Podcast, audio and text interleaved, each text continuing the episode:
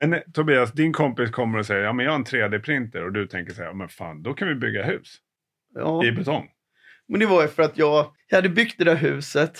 ehm, och minns ni när Gudrun kom så blåste det något fruktansvärt. Ja, ja, Ja, den natten låg jag med en värmepistol på taket på det där huset. Vi hade precis fått på eh, råsponten och fått på takpappen och så höll den på att blåsa loss. Ja. Så jag låg med en värmepistol och limmade ner eh, Pappen. takpappen och, och funderade på, alltså man måste kunna bygga hus på något annat sätt.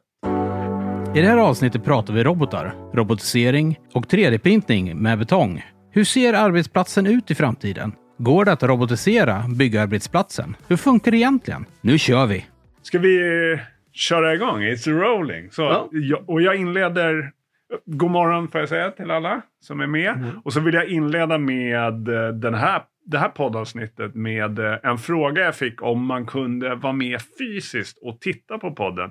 Alltså, mejla mig. Jag finns på LinkedIn eh, och så kan vi säkert ordna det om du vill vara med fysiskt. Eh, Tobias, hur mår du idag? Bra, Ja. kul att få vara här. Ja, kul och kul att ha med dig. Du har ju varit med på några, eh, dels har vi varit ute och tittat hos dig eh, Mm. där du håller hus och vi kommer komma in på det. Och sen har du varit här och träffat hela egentligen Sverigeledningen Mm. i, i ett sammanhang. Men Tobias, eh, nu är du bara ett namn. Vem är Tobias? Ja, jag, jag- heter Tobias Haslingen. Jag är eh, egentligen är jag civilingenjör från KTH som någonstans har halkat in på eh, en bana där jag inte trodde att jag skulle hamna. Jag skulle forska inom partikelfysik och ehm, sen så kom internet och förändrade mitt liv. För jag var med och startade Sveriges första eh, reklambyrå, fast på internet. Idag kallar man ju det för en webbyrå. Eh, och, sen, och så skulle jag bygga ett hus då, så fick jag för mig att bygga det helt själv. Och då tyckte jag att det var problem med toleranserna. Det är för stora toleranser när man bygger hus. Det blir så svårt att få ihop det. Eh, så då tänkte jag att jag skulle robotisera det på något sätt. Och så kom min kompis och sa att han hade byggt en 3D-skrivare. Och där liksom. Och där började Men, resan. men innan vi kommer dit Tobias, Ja. för att jag är lite, eftersom jag nu har haft förmånen att lära känna dig lite mer än vå- våra lyssnare. Så ta oss tillbaka liksom partikelfysik. Alltså, eh, jag vet att du pratar CERN och liksom, Ja kan du inte berätta lite? Vad, vad, du skulle inte göra som dina föräldrar vet jag. Nej, precis. Det var, det, det var lite det som var poängen. Eh, nej, men, alltså, hela min barndom gick ut på att åka på olika slott och eh, olika hus och titta på byggnader. Och min mamma var, eh, då var hon på eh, Riksantikvarieämbetet och vi åkte och tittade på kyrkor på, på, eh, på loverna. Ja. Det var inte världens roligaste, för på kyrkogård får man inte springa och sådär. Men hon var arkitekt och höll på med eh, bevarandet av Sveriges kyrkor på den tiden. Ja. Och, och jag och mina bröder sa att vi aldrig någonsin skulle hamna inom arkitektbranschen eller någonsin hålla på inom byggbranschen. Och jag, skulle, eh, jag var jätteintresserad av fysik och så eh, hamnade jag på Atomforskningsinstitutet eh, och lärde känna en massa folk där innan jag började pl- plugga på KTH. Eh, och, och då, där fanns det en kille som hette Thomas Lindblad som var in, involverad i ett projekt. De skulle eh, titta på hur man skulle detektera den här Higgsbosonen som Mm. finns på CERN, det här senaste som man precis har hittat. Och då fick jag möjligheten att åka till USA och lära mig en teknik som man trodde att man skulle använda då. Det här var 1993. Ja. Eh, så man var ju långt före. Man hade räknat ut att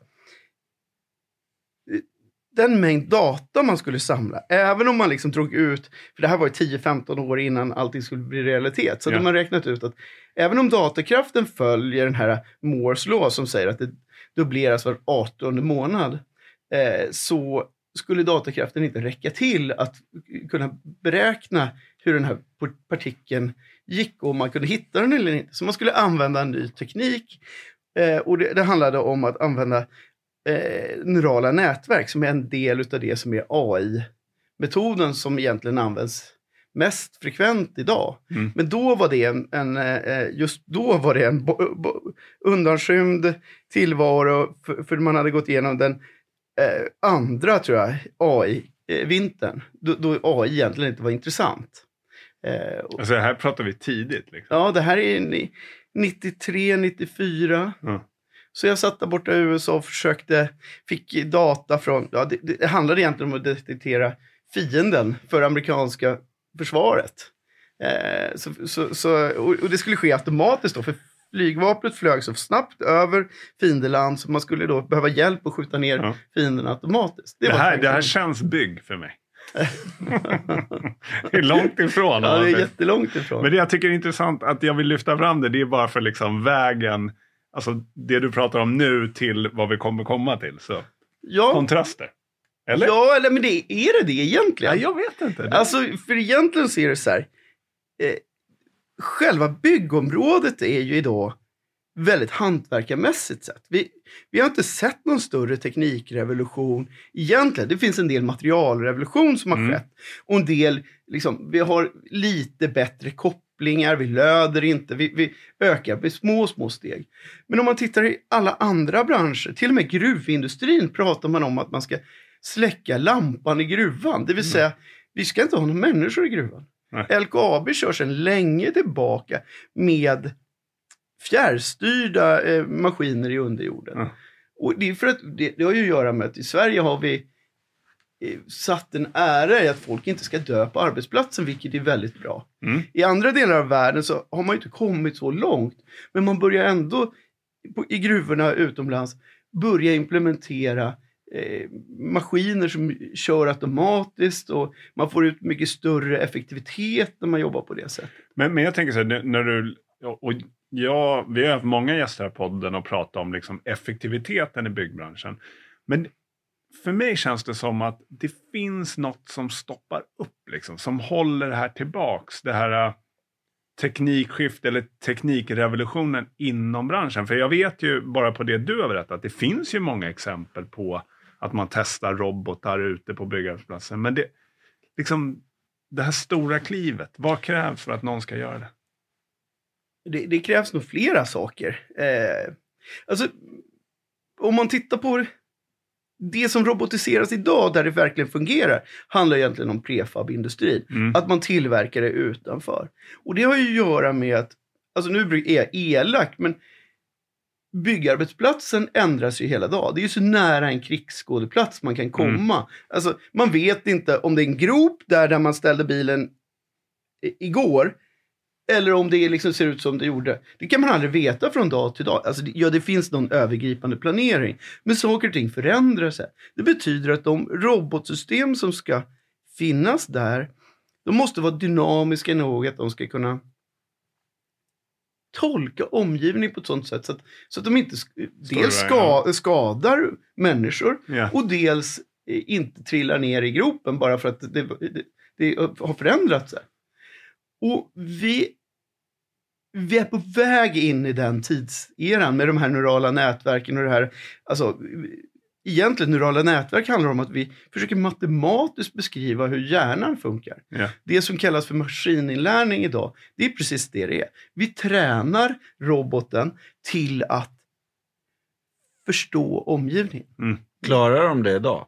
Robotarna? Nej, de, alltså vi, vi är inte tillräckligt långt framme än så länge. Men vi, de, vi, kla- de klarar liksom en fabrik, men de klarar inte en byggarbetsplats. ja, fast För där är det inte, behövs ju inte AI, eller hur? I en fabrik. nej, i en fabrik För där gör de behövs- samma sak hela tiden. Ja, Ja. exakt. Precis. För det, där är du inne på det som är skillnaden mellan byggbranschen och tillverkningsindustrin.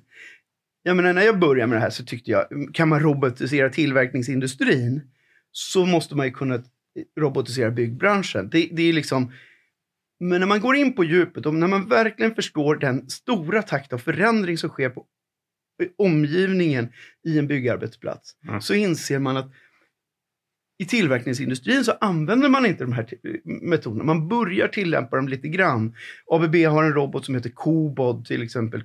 Eller Cobod eller Coworker tror jag. Som är liksom som en, en maskin som kan samarbeta med en människa. Normalt, en byggar, en, normalt en, en, i till- tillverkningsindustrin så går de här robotarna så fort så att de slår ju av huvudet på, på det om du råkar gå, Ja, gå ja, in det i är- det. Därför är de ju inhägnade. Men, men vi kan ju inte ha robotar på byggarbetsplatsen som är inhägnade. De måste ju fungera. Ja. Och som- vi vill inte slavhuvudet heller. så. Nej, precis. Vi, vi, precis. Men däremot tänker jag, när du pratar så prefabindustrin, är Ja. det så att vi kommer se mycket mer prefabricerat? Att man gör det någonstans, lyfter in det. Alternativt komma in då på 3D-printning som du håller på med. Ja. Liksom. Eh, ja, alltså jag, trenden går åt prefab idag. Ja. Det, det startas ju fler och fler prefabindustrier. Och med den trätrend som är idag så, så kan väl det passa. För virke är långt och rakt. Mm. Svårt att bygga i, i, i spännande former. Om man tittar till exempel nere i Dubai där de har byggt massa spännande hus där, som är runda. Där Mm. använder man metall som, som beklädnad ofta. Så, att, så att det beror lite på vad vi vill. Och just nu blåser en väldigt ekologisk trend i Sverige där trä eh, anses då. Jag vet inte om, om det verkligen är, belagt att det är så ekologiskt som man säger att det är. För det är ju lite trähype och betong dåligt, Ja, trä bra. Ja. Cementa har det lite jobbigt Ja, de idag, har- även fast det, egentligen borde det vara precis tvärtom. Kan vi på ett begränsat område gräva upp kalk, där vi inte behöver skörda skogen som om det vore havre, och sen se till att fånga in koldioxiden när vi tillverkar Mm. den, så kan vi skapa berg av den koldioxiden. Och så kan vi använda den här betongen, eller cementen som man gör, och tillverka betong som blir klimatnegativ istället för klimatneutral. Mm. Och det är, en, det är en skillnad. Negativ, då äter den faktiskt Ja. i. Det finns en process som heter karbonisering som äter eh, koldioxid. Och hur hoppar vi in på 3D-printning? Från det? Ja, från det. Jo, men det är ju det är jätteenkelt. För att Ja. vi 3D-printar i dagsläget med betong. Och eh, det anses ju då vara klimatdåligt eh, dåligt att 3D-printa hus i betong. Det är, väldigt många frågor har varit kring den här klimatfrågan. Men, men egentligen handlar det om två andra aspekter. Vi använder bara så mycket material som behövs när vi 3D-printar. Mm. Och vi använder mindre material än vad... Vi beställer inte med över procent utan vi, vi använder bara det som behövs. Exakt. Liksom. Mm. Och så blir byggprocessen, eftersom när man ska 3D-printa så behöver man se till att ritningsunderlaget är mycket mer noggrant. Ja. Så behöver vi inte bygga om om det blir fel, utan vi, man måste ha tagit hänsyn till det redan från början. Och, och sen kan vi då använda, effektivisera produktionen utav själva huskroppen. Men eh, Tobias, din kompis kommer och säger ja men jag har en 3D-printer och du tänker säga ja men fan då kan vi bygga hus Ja. i betong. Men det var ju för att jag, jag hade byggt det där huset. ehm, och minns ni när Gudrun kom så blåste det något fruktansvärt. Ja, ja, Ja, den natten låg jag med en värmepistol på taket på det där huset. Vi hade precis fått på eh, råsponten och fått på takpappen och så höll den på att blåsa loss. Ja. Så jag låg med en värmepistol och limmade ner eh, Pappen. takpappen och, och funderade på Alltså man måste kunna bygga hus på något annat sätt. Och då? Ja, och då blev det, och så kom man precis, alltså det, det, det rör sig om några, eh, ja, eh, ja men det rör sig om, om, ett tag, men tanken väcktes och jag, eh, han kom precis rätt i tiden Mm. och jag såg att med 3D-printer så kunde man ju faktiskt effektivisera. Jo men då tänker jag så här. Och så 3D-printning. Första gången du skulle 3D-printa i betong. Var det så här. Ja men fan det här funkar ju lätt. Ja, jag hade ju en föreställning att betongen var inte något svår att blanda Nej. till. Det var det enkla. Bygga roboten, det skulle ta lång tid. Eh, Mixa ihop betongen, ah, det gör vi på några månader. Ja. Och så började vi med betong och det bara rann ut och den bara rann ut. Och så började vi, eh, fick, ja, vi hade, jag hade putsat mitt hus Ja. så jag hade använt putsmaterial eh, från Weber som heter eh, 261. Det tror finns andra leverantörer. Ja, förlåt. Jag skojar bara. Nej, men det, det, det är en fiberputs som blir gräddig. Den blir som grädde. Ja, Och den tänkte jag, den skulle man kunna kör. använda Ja. med. Och så ehm, använde jag den. Och, och det gick ju bra i början. Det började se bra ut. Men det bara sjönk ihop. Det blev liksom... Eh, så den var för mjuk. Eh, så det tog två år att utveckla en, en betong som fungerade. Många försök där, där vi kunde printa. I början kunde vi inte printa någonting. Men så kunde vi printa tio lager. Sen trillade det ihop. Ja. Ja. Eh, eller så kunde vi printa 20 lager. Och eh, vi har fortfarande, eh, finns det liksom begränsningar med betongen. Vi kan inte printa eh, ett rör på 50 centimeter i diameter eh, från noll hela vägen upp till Nej. Eh, två meter utan att den trillar ihop på 1,40 ungefär. Men när, när ni printar, ja, det är så svårt.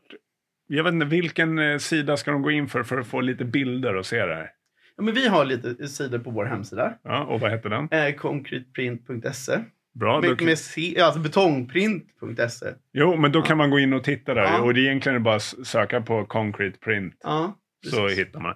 För jag tänker det är bra för lyssnarna att se bilder. Jag har ju sett det, så jag kan Ja. ju se när du beskriver. Men det är också så, som jag fattar det, liksom när ni gör de här väggarna, att ni inte kan göra allt på en dag. Liksom. Tre meter högt. Nej, nej, precis. Det har varit, eh, alltså, egentligen skulle man nog kunna göra det om, dels om roboten gick lite fortare, Mm. men också om eh, vi hade någon, för i, i dagsläget så handblandar vi allting. Nu Ja. testar vi ett, ett färdigt material som vi har fått. Eh, och du ska inte nämna namnet Nej. på dem. Men, men, eh, men, men eh, för vi var tvungna att handblanda allting. Det är tio komponenter som skulle vägas upp Ja. och blandas var, varje morgon. Eh, och så skulle vi göra betong utav det där. Och då gäller det att blanda, liksom, det var exakt. ja, det var det- superexakt. Ja. Och, och, men, men om vi tar så här, det huset du har byggt, det är typ en Attefall, Friggebo Ja, Attefall. Attefall ungefär. Attefall ungefär. Eh, från ni startade Ja. till ni var klara, hur lång tid tar? Ja, alltså, kalendertid tog det då 30 dagar. Ja. 13 dagar utav dem printade vi. Och själva tiden som vi verkligen printade huset, det är 28 timmar. För jag kollar ju en granne som har hållit på med Attefall, så de har ju hållit på mer än 30 dagar kan jag säga. Ja, Med det huset. Ja Så- men då bygger de eh, också tak och sådär. Ja, Så ja, absolut. Ja, Men, Och 30 arbetsdagar, det var bara att eh, kalendertiden som det Mm. tog. Jag menar, eh, normalt sett, så, så, om man får den här tekniken då, om vi får ett, en, ett material som är färdigblandat så vi Mm. kan printa ut det, då tar det tre arbetsdagar att skriva ut Mm. eh, liksom, eh, stommen och sen så ska man sätta in fönster eh, och så ska, ska man sätta på ett tak. Men jag har en fråga, alltså har man typ armering i och grejer? Ja, För du, du gör, eller gör man en form också eller? Eller är det bara armering, ni, ni sätter upp armering och sen printar ni över det? Eller hur, hur gör man? nej men vi, eh, vi, vi eh, alltså ska vi armera i höjdled Mm. Då måste man göra som en, en gjutform. Mm. Eh, och då printar man den gjutformen och så stoppar man i armeringen efteråt. Mm. Men om man ska armera i längsred så, så lägger vi armeringen mellan eh, lagren Ah. där vi Mm. printar. Och sen innehåller den blandning som vi har innehåller en viss del fibrer som gör att det armerar i sig själv. Så man Mm. behöver inte så mycket. Är det också extra typ snabbtorkande? För det var det jag tänkte på, för annars kommer det ju sjunka ihop. Ja, det, är- det, Men det klarar bara en viss höjd innan, sen måste det torka klart. Liksom. Precis. Äh, det, det, eller så här. Eh, bara man har en, en...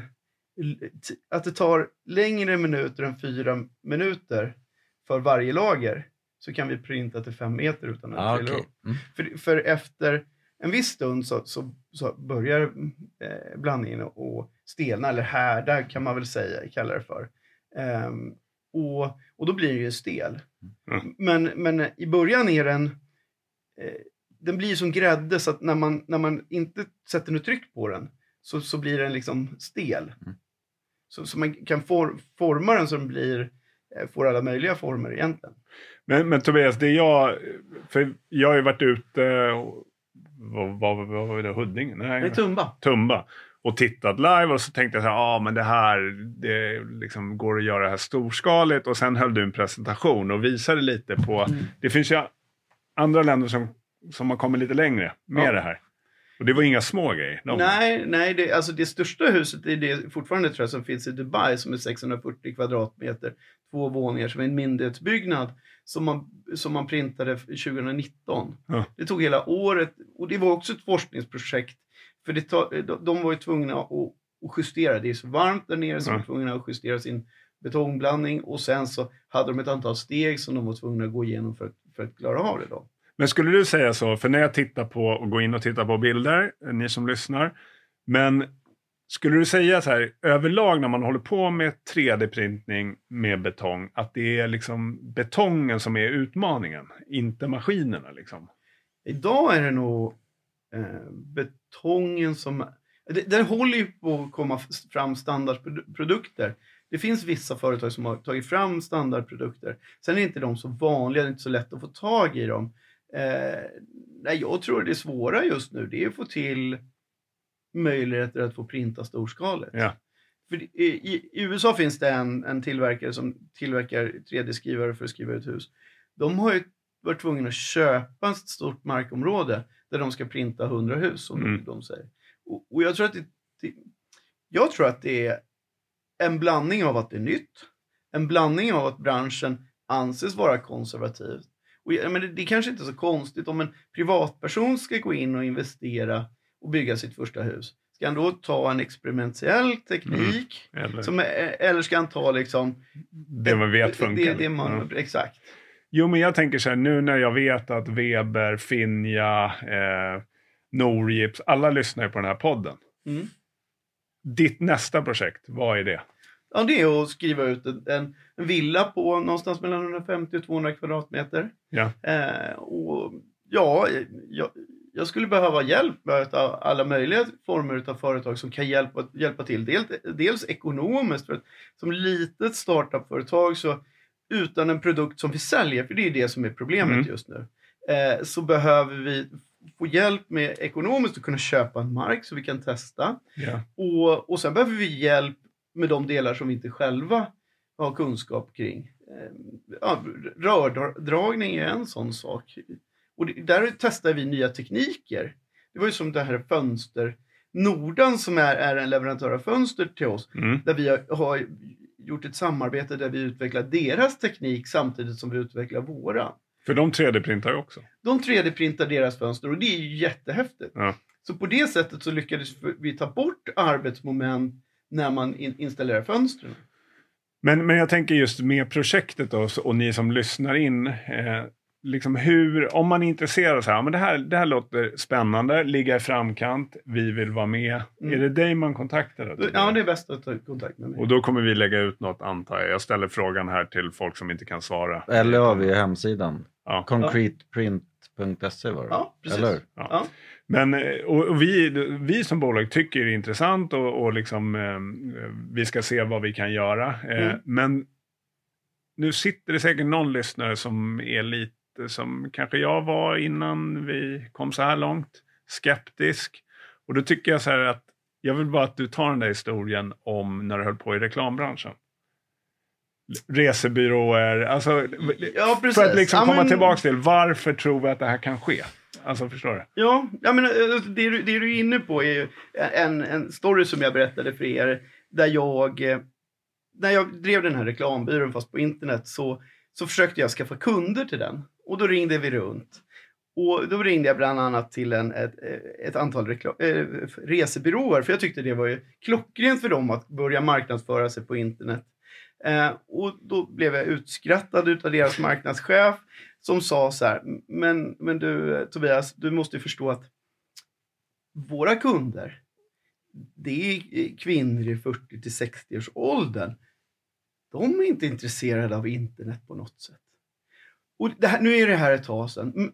Och, och det som är intressant med den frågan är att när tekniktrenden vände. Ja. Men idag köper ingen en resa om man inte varit inne på internet åtminstone. Kollat vart man ska, tittat kanske lite på hotellen, funderat på och så köper man resan över, över internet. Ja, det, Så, så, och den förändringen som det egentligen är, är ju dramatisk om man tittar över en längre tidsperiod. Mm. Men vi märker den inte från dag till dag. Och, och jag tror att byggbranschen, om, om, om byggbranschen ska kunna förändras, så måste vi våga. Det är egentligen våga som är... Det, det, vi måste våga prova, vi måste våga göra fel. Hur många fel har inte gjorts under internets barndom? massor säkert. Så, så, ja, men, eh, Bo.com, kommer ni ihåg dem? Ja, ja. Eh, Alltså, och det, det är lätt att skratta, men, hur Men det, det var, de var ju rätt, men de var kanske före. De var rätt, men de var, hade lite för storskaliga planer för fort. ja.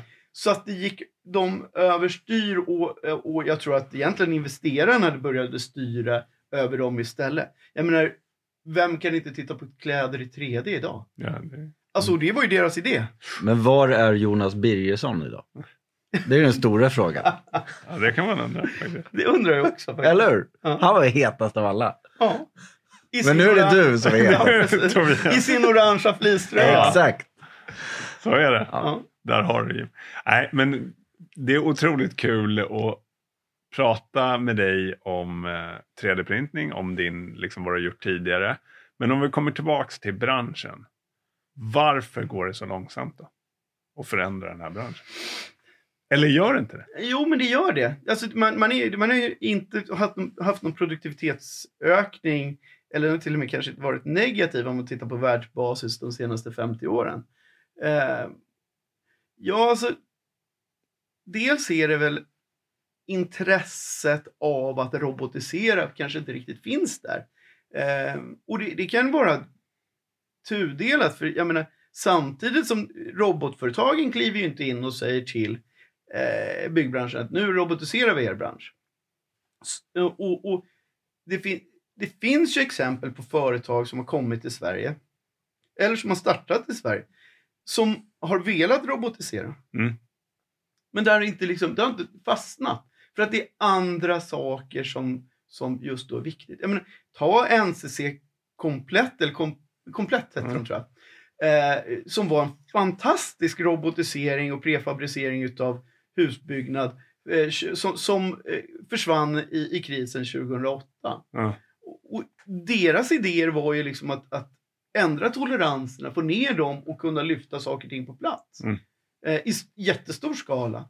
Eh, och det finns det här företaget Bilder som, som eh, var ett svenskt startupföretag som skulle hade en robot som kunde åka omkring och montera gipsskivor. Mm. Och jag menar, ett sånt företag, alltså, det är kanske ekonomiskt riktigt just då att det inte funkar. Men för Sverige är det en total katastrof.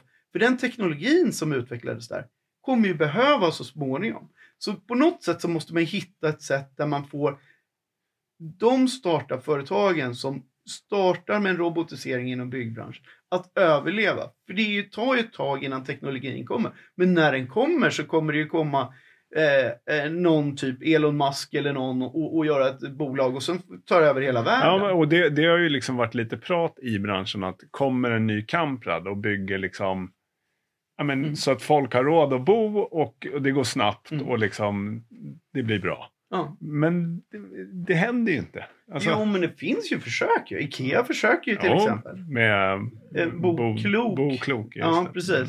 Eh, men, men de har ju också samma, samma problem. De måste ju satsa på ett fungerande sätt så att det blir ekonomiskt lönsamt redan från början. Mm. Och det är väl kanske där problemet ligger. Man måste våga experimentera mer.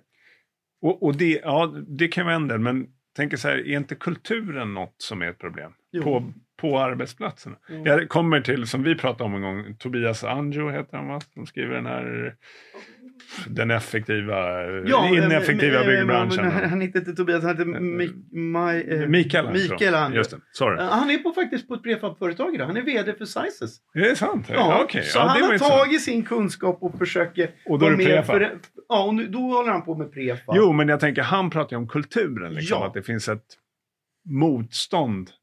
Eller men det finns en kultur som hindrar att det blir effektivare. Ja, det finns en, en, en, en... Ja, men det är också så här att byggföretagen säljer ju timmar. Mm. Man räknar ju inte på det. det blir, man, man, man räknar inte på det på det sättet att man skulle sälja projekt. Det första delen är att man skulle sälja projekt och så skulle man försöka effektivisera projektet så mycket som möjligt så att man tjänar så mycket Mm. pengar som möjligt. Men det sker ju inte riktigt. För byggprojektledaren är ju kungen på, på, på arbetsplatsen. Och han vill ju inte riskera någonting för att han är, blir ju på något sätt ansvarig. Mm. Så han tar in sina kompisar, Kalle, Pelle och Anna och Stina. Och så driver de byggarbetet som de har alltid har gjort. Och har de liksom skaffat sig en kultur, då är det Ja. den som gäller. Mm. Och ja, där är det ju svårt, för där skulle man ju liksom... Om jag vore ett av de stora byggföretagen så skulle jag vilja få en förändring hos projektledarna, för det är de som egentligen driver det. Men det är så mycket pengar och så svårt att driva, för det är ganska komplexa saker. Mm. Det är så många hantverksgrupper och så många olika arbetsmoment eh, som man ska göra. att då riska och våga satsa på nytt. För vem, vem Ja, det, då, blir då ska man vara modig liksom. Det blir jag Ja, som ja, huvudprojektledare som blir syndabock. Jag menar, vi kan inte titta på... Jag menar, alltså det mest, mest spännande och mest uttjatade exemplet är ju Nya Karolinska. Som liksom kostade hur mycket pengar som helst. Men det är det enda projektet som är fullt dimifierat om man ser till Ja, i, i, forskningen. Och det kostade ju massor att göra det. Man var säkert tvungen att utveckla nya tekniker. Sen skulle man ju framtidssäkra Nya Karolinska, så man har ju byggt in hissar för robotar i det. Alltså det är ju säkert jättemycket teknik som vi som människor, som vanliga Svenssons, inte förstår som är insatta där. Bara den här dörren, man pratar ju om det här, man ska byta en dörr Ja. och det kostar eh, hur mycket pengar som helst. Ja, men dörren innehåller ju hur många sensorer som helst. Mm. Den ska kunna stänga sig själv, den ska inte sopa undan gamla Agda när hon kommer med sin, sina liksom, käpp. Ja. Så, bara den tekniken kostar hur mycket som helst. Ja. Ja, det finns säkert standarddörrar för sjukhus och sådär. Men då ska man också koppla ihop det och få styrsystemen och allting fungera. Sen ska det larma, för de hade Ja, säkert det. krav på att det ska larma centralt och inte bara lokalt. Så det är jättemycket ny teknik som ska in i det, i det här nya avancerade husbygget. Teknik som kanske inte används på andra ställen. Och det är väl som vanligt också att eh, ny teknik kostar mycket i början. Men Ja. någon måste våga ta den kostnaden. Precis. Så det kanske är staten som ska bygga dina grejer. Ja. Ja, jag har haft en diskussion med, med Boverket om att vi ska Ja. försöka få ihop en testbädd. För det är inte bara jag som behöver testa. Sverige behöver ju testa. Alltså, om man tittar på KTH så, så, så är så här, Eller om man tittar på universiteten egentligen. Så de behöver ju testa ny teknik också. De behöver ju utveckla det här. Men, men de har ingen chans att göra det för att det kostar mycket att skaffa de här robotarna och de får forskningsanslag. Om man nu tar exempel på KTH så de skulle jättegärna vilja vara med och hjälpa till att vidareutveckla 3D-printingen. Det finns en liten forskargrupp där. Men de sitter i ett litet rum där, där de har en jättelitet robot, robotar som knappt får plats i rummet. Och, och jag menar, lo, lokalkostnaderna. Jag var uppe där och tänkte att vi skulle göra ett samarbete och så skulle vi titta på en lokal som skulle passa perfekt. Men Mm. lokalkostnaderna är så stora så att, så att KTH kan inte forska på det sättet. För det är så för mycket pengar som, av forskningspengarna som går åt Som går åt hyran. Liksom. i hyran. Ja. Och någonstans har det ju blivit fel. Vi, vi skulle ju liksom försöka... Om vi ska förändra så måste ju de nya studenterna ha ny teknik med sig in. Ja.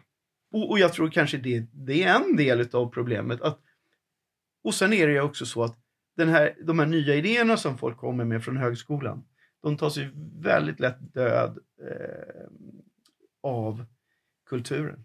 Mm. Och vad är det man brukar säga? Eh, culture eats strategy, Strategy for breakfast. for breakfast. Ja. Så om man ska byta strategi, alltså det, är väl det som egentligen är exemplet. Har man en stark kultur så är det svårt att förändra. Men tillbaka Tobias också, ditt projekt och det du gör. Jag tror ju det behövs ju. Eh, om man tittar på andra branscher, hur mycket riskkapitalpengar som går in i det för att förändra branschen. Så behövs det likvärdigt in i den här branschen. För att det ska hända något, det, det tror jag. Men Tobias, du, vi skulle kunna prata hur länge som helst. Men det är ju så här att vi har ju alltid gäster med som får ställa en fråga till nästkommande gäst. Och de vet ju aldrig vilken nästkommande gäst är. Så att eh, de visste inte, de förra gästerna, Jenny och Therese, visste ju inte att du skulle komma. Mm.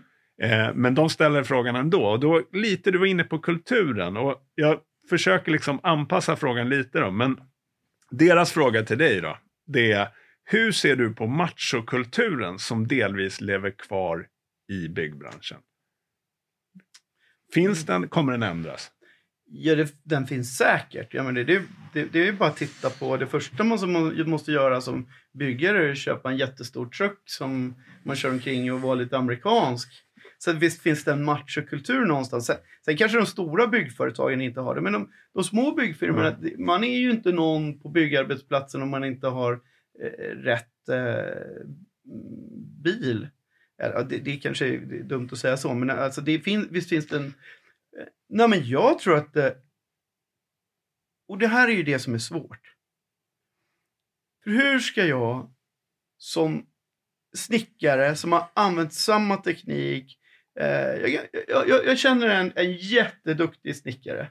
Eh, han, har varit, han skulle snickra möbler, Mm. men nu, han- nu är han hussnickare. Han har precis byggt klart sitt hus. Eh, hur ska han ha tid att lära sig något nytt när han jobbar åtta timmar om dagen, Mm. kommer hem, är jättetrött och nu börjar han, fyller 60 år. Jag menar, alltså. Orken. Ja. Alltså, så någonstans så måste det finnas en möjlighet att lära sig nya saker. Ja. Han, han, är, han är intresserad av teknik, så han provar ju lite olika saker. Men hur ska han orka med att lära sig något nytt? Mm. Om man tittar på Ericsson som, som har haft, jag tror att de har 10% eller någonting R&D budget Det är ju hur mycket som helst. Och de är ju enormt duktiga på att inte försvinna i teknologiskiften. Mm. Jag tror inte det finns något företag som är mer framgångsrikt att, att inte försvinna i teknikskifte. De har ju varit på väg att försvinna flera gånger. Ja. Men liksom lyckats hitta ett sätt att, att... Och det tror jag ligger i kulturen. Man, förut kallade man det för skunkwork. Att man jobbade under radarn. Mm. För på Ericsson var det så att det var väldigt hårt styrt vad man skulle göra. Men man till, cheferna tillät alltid att Ja. det fanns lite... Alltså med- den- här, rö- det som mobiltelefonteknologin. Den är ju gjord liksom under radarn hos någon. Där man har fått ha kul. Och lite, det är väl lite samma lite Google, liksom att de... Ja, ja men de, de har ju anammat den kulturen Men, helt men och hållet. är det inte också en del av den här, ska vi kalla det machokulturen, är väl också att eh, man är rädd för att inte vara bra på det man är bra på längre. Alltså Ja, det det, man ja. är bra på inte räknas längre. Liksom. Det tror jag är en del av Mhm. machokulturen, det här med att jag kan och vet bäst. Just det. Och sen kan det vara en, även en kvinna eller vad som helst. Men det är ju en del av kulturen i byggbranschen tror jag. Du som projektledare kan hela grejen liksom. Ja. Eller ska jag... Det här kan jag. Just Alltså varför ska jag göra något nytt när Mm. jag kan det här? Ja, Det är ja. väl det som är grejen. Så jag, alltså det som är det viktiga tror jag är faktiskt att eh, jag tror inte kulturen kommer förändras utan att man vågar byta ut lite människor. Alltså sådana som kommer från teknikbranschen eller vad som helst. Sådana som är van, plocka någon från Ericsson liksom in till ditt stora byggbolag som får jobba under radarn eh, 10% av tiden och få fram lite lösningar där. Det, Men- men jag och tror- sen ja. våga lyssna på dem. Men våga lyssna, för du sa ju kulturen just äter upp en. För det gäller ju att, även om jag plockar in Tobias här på vårt bolag, så kommer kulturen äta upp dig om du är ensam. Förstår du? Det, det är liksom... Alltså, det, du, du klarar inte själv i stora bolag tror jag, att vara revolutionär. Liksom. Det Mm. tror inte jag. Ja, men, Du alltså, måste ha några stycken. Ja, jag, jag håller med. Jag, jag, jag, jag, NCC komple, komplett. Jag menar, man fick ju inte jobba där om man hade eh, byggbakgrund.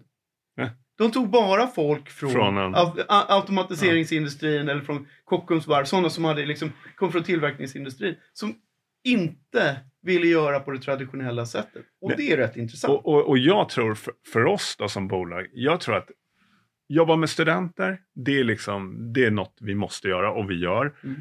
Arbeta med sådana som du, det låter konstigt, men, men som är liksom som tänker annorlunda. Jag tror att vi måste göra det. Men vi, alltså vi tillsammans med även de här stora byggbolagen skulle jag säga är väldigt, alltså de kallar sig byggentreprenörer, men de är inte särskilt entreprenöriella, vad heter det? Entreprenöriella. Det där kan vi lägga in. Ett. Entreprenöriga. Ja.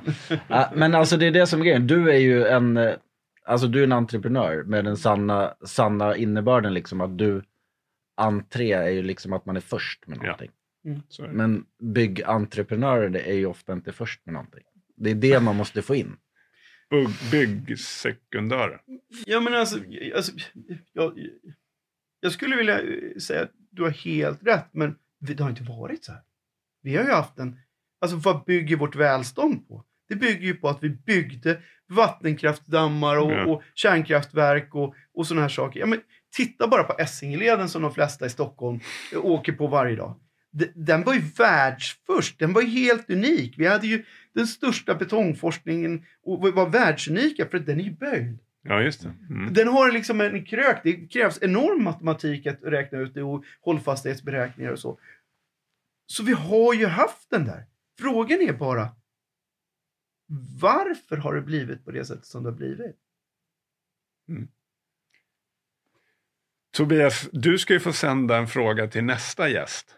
Var det där frågan? Eller har det du skulle det kunna vara. Varför har det blivit som det har blivit? Ja. Vi har ju varit världsbäst inom, inom bygg i Sverige. Ja, och varför har vi hamnat där vi är? Ja. Alltså den, jag vet ju nu vilken nästa gäst är. Och jag, Och jag vet svaret. Men jag tror nä, nästa gäst kan svara. Tobias, jag vill bara säga så kul att ha dig med. Det här avsnittet måste vi liksom trycka på lite extra. För det här är ju godis för de som jobbar i branschen. Så kan man säga. Och lyssna Tack, in det på. var jättekul att få komma Ja. hit. Så tack så hemskt mycket. Och tack Marcus som vanligt. Tack själv. Ja, Men det- alltså jag som inte vet någonting. Ja. Hur stor är den här skivan?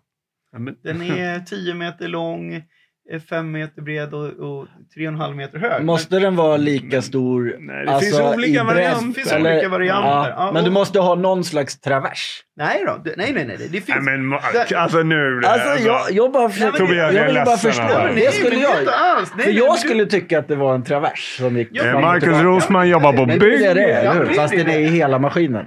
Ja. Nej, men du, du har helt rätt. Det är en travers. Alltså, det Det kallas finns för... olika varianter på Det kallas för 3D-printer. porta- och inom robotspråk kallas det för portalrobot. Ja. Ja, det är Jag liksom skulle en just portal. säga det. Ja men du har en sån här klassisk fyk, alltså Ja. sån Och här, sen och, finns så det- går den fram och tillbaka sådär. Marcus, sen finns det armar. Ja. Eller hur? Som snurrar. Ja. Ja, ja. Men de är lite, de måste men jag får komma på studiebesök någon dag. Ja, och det, jag menar, och, och, i, i, i ABB håller ju på att förändras. De håller ju på, man använder ju deras robotar, den här, och så flyttar man dem. Det var därför det tog så lång tid, det här stora huset. Mm.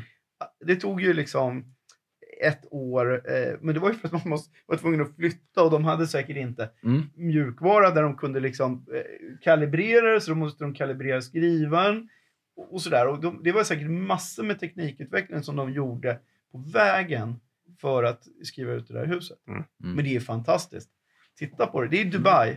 Ja okej. Mm. Sen var det lite så här, vi kollar ju på andra bilder, just det här, nu kommer jag inte ihåg om det var i Dubai också, det här om det var Louis Vuitton, det var Dior. Något, Dior var det, Ja. liksom hur de har 3D-printat fasaden Ja. var det väl? Precis. Och det blir ju nå- det blir ju något annorlunda, så säga. Och samma i ditt eh, lilla hus som Ja. vi kallar det, just med att det inte är raka former. Och då tänker jag på, vad gillar vi att titta på? Det är ju egentligen inte raka, det är ju inte det här. Varför har vi den här? Det här är ju Bauhaus-kulturen som, som liksom har drivit fram att vi har och Ikeas, eh, liksom, att allting ska vara sex. liksom. Och, men det kommer ju från en annan sak. Ja. Det kommer ju på grund av att Behöver du dra en? Ja, jag har ett möte som är... Ja, ja, sorry. Och, Ja, ja, ja. men nu, vi har väl spelat in... eh, Med vem? Eh, LKAB, gruva. Gruv, absolut. Oj, ta med Nu ska vi prata robotar. Ja. Precis, jag ska upp och titta på robotarna i gruvan. Ja just det, ni ska upp och Ja, ni ska upp där. Ja, vad kul.